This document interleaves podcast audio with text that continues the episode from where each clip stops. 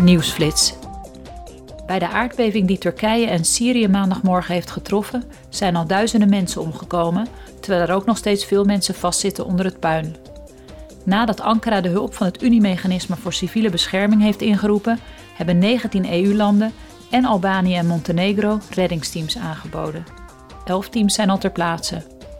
In Syrië is de EU al in contact met lokale humanitaire partners en worden alle opties nagegaan om extra hulpmiddelen in te zetten om zo de slachtoffers van de aardbeving te helpen.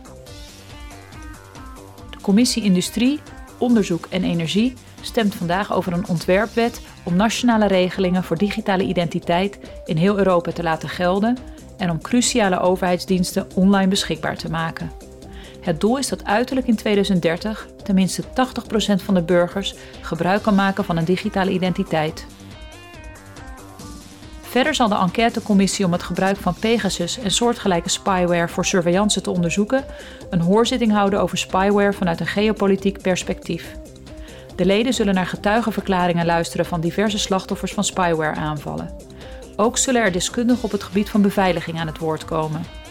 Deze hoorzitting volgt op de hoorzitting van december over het gebruik van spyware in derde landen en de gevolgen daarvan voor de buitenlandse betrekkingen van de EU.